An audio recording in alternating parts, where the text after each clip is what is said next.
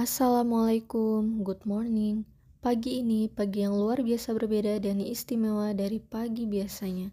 Karena pagi ini kamu sedang mendengarkan Morning Booster. Oke, Science to Get Rich.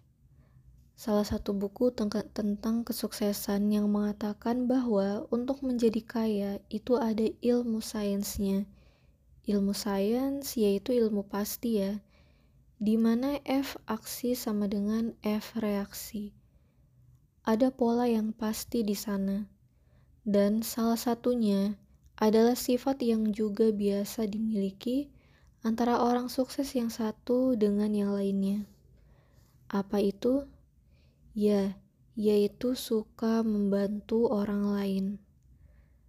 Napoleon Hills mengatakan, untuk menjadi sukses, kamu harus membantu orang lain mencapai kesuksesannya. Bagaimana dengan diri sendiri? Apa sama aja dengan membangun kerajaan orang lain? Enggak, bukan itu maksudnya. Tapi cobalah untuk membantu apa sih yang dibutuhkan orang lain. Misalnya, teman kamu membutuhkan supplier ayam Nah, di situ selama kamu mampu untuk membantunya, ya bantu carikan. Ketika orang lain bahagia telah kamu bantu, nah di situlah kamu bakal mendapatkan keajaiban. Karena kamu memberikan hal yang positif kepada orang lain, hingga hal yang positif pula bakal balik ke kamu. Ini seperti hukum bola yang dilempar ke dinding kemudian memantul Sekeras apa pantulannya tergantung seberapa kuat kamu melempar. Nah, di sini kita bicara tentang sebesar-besar dan kuat kebaikan yang kita berikan. Lalu gimana kalau dia yang kita bantu ini lebih sukses daripada kita? Nah, uniknya kita juga harus ikut bahagia. Baik bahagia dalam hati, ucapan, dan kalau kenal orang itu punya hubungan yang dekat, ya ucapin selamat. Rasakan rasa bahagia dan syukur, bahkan persis seperti yang dia rasakan. Loh, kok gitu sih? Iya, karena salah satu perisai rezeki atau penghalang rezeki itu adalah perasaan dengki. Iya, iri, dengki, suuzon itu satu paket.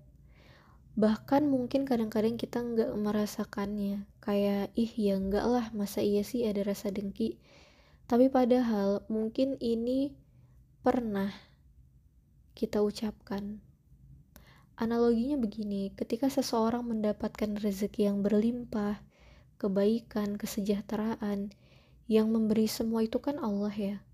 Nah, kalau misalkan seseorang lah ya, bukan saya atau kamu, itu dengki, ngomongnya, ah si A dapat mobil itu karena korupsi loh ah si A itu punya rumah masih nyicil, kehidupannya aja sok kaya, tapi padahal bla bla bla.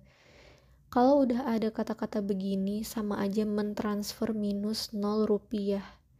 Kata-kata negatif itu bakal balik ke diri dia sendiri.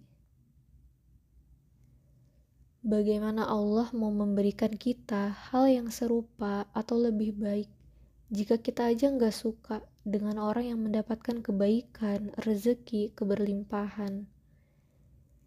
Ya, misalkan hal yang kita bilang, yang dia bilang, itu adalah uh, prasangka, praduga, atau kata orang yang udah tersebar luas, fakta, dan lain-lain. Tapi, cobalah untuk menjaga ucapan dan prasangka kita supaya lebih baik. Jika memang kita sendiri tahu seseorang itu meraih kesuksesannya karena curang, culas, dan lain-lain ya didoakan. Semoga orang itu dapat hidayah, berubah jadi lebih baik, dan harta kehidupannya itu berkah. Enough. Karena sebagaimana yang kita tahu bahwa omongan itu doakan, ia benar adanya. Jadi katakanlah yang positif, kedepankan husnuzon sama Allah, diri sendiri, dan juga orang lain. Ini baru satu hal yang bisa kita lakukan untuk mencegah adanya perisai dalam diri kita, yang akhirnya sadar gak sadar bakal menolak kesuksesan itu hadir dalam kehidupan kita. Oke, okay, please take positive, positive insight from this. Selamat belajar, selamat bekerja, dan menata kesuksesan.